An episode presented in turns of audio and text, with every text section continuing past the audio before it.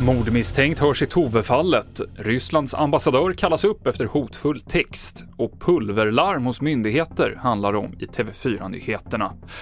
Ja, det kommer larm om misstänkt farliga föremål hos länsstyrelser runt om i landet. Det handlar om brev med något slags pulver i. Det är oklart om det är farligt eller inte, men larm har kommit från i stort sett alla länsstyrelser i Sverige vad det verkar. I Västerås har fyra personer sanerats med dusch enligt VLT, men än så länge finns det inga uppgifter om personskador på någon av platserna. Nu om Tove-fallet. Den 20-åriga kvinna som tillsammans med sin väninna misstänks för mordet på 21-åriga Tove i Vetlanda i höstas hörs i tingsrätten idag.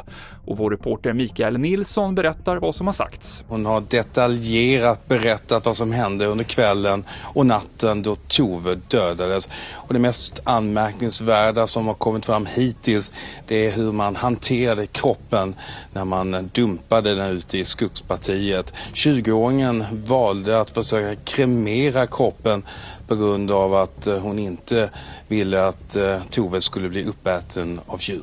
Och du kan följa den här rättegången på tv4.se där vi textrapporterar från rättssalen.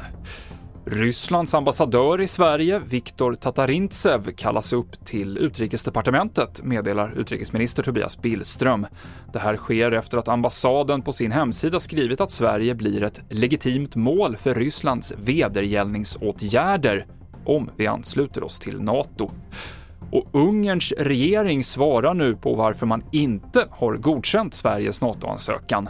Enligt en längre text som publicerats på den ungerska regeringens engelskspråkiga hemsida handlar det om tre skäl, bland annat en moralisk överlägsenhet från svensk sida och man kräver att svenska politiker slutar att lägga sig i ungerska angelägenheter. TV4-nyheterna i studion Mikael Klintevall.